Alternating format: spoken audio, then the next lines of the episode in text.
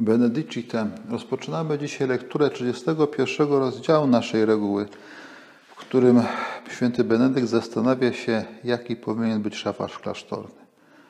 Szafarz to w klasztorze osoba, która jest odpowiedzialna za finanse, taki minister finansów, minister gospodarki klasztoru, a zatem osoba odpowiedzialna za jego byt ekonomiczny.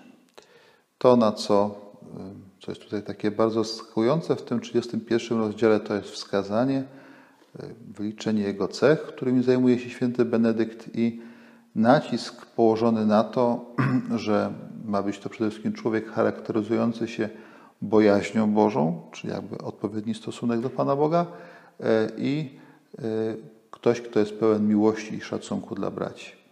A zatem przed umiejętnościami czy cechami takimi, które wydawałyby się właściwe dla ekonomisty, stawia się przede wszystkim miłość wobec Boga i szacunek dla człowieka, bo szafarz przede wszystkim im właśnie ma służyć.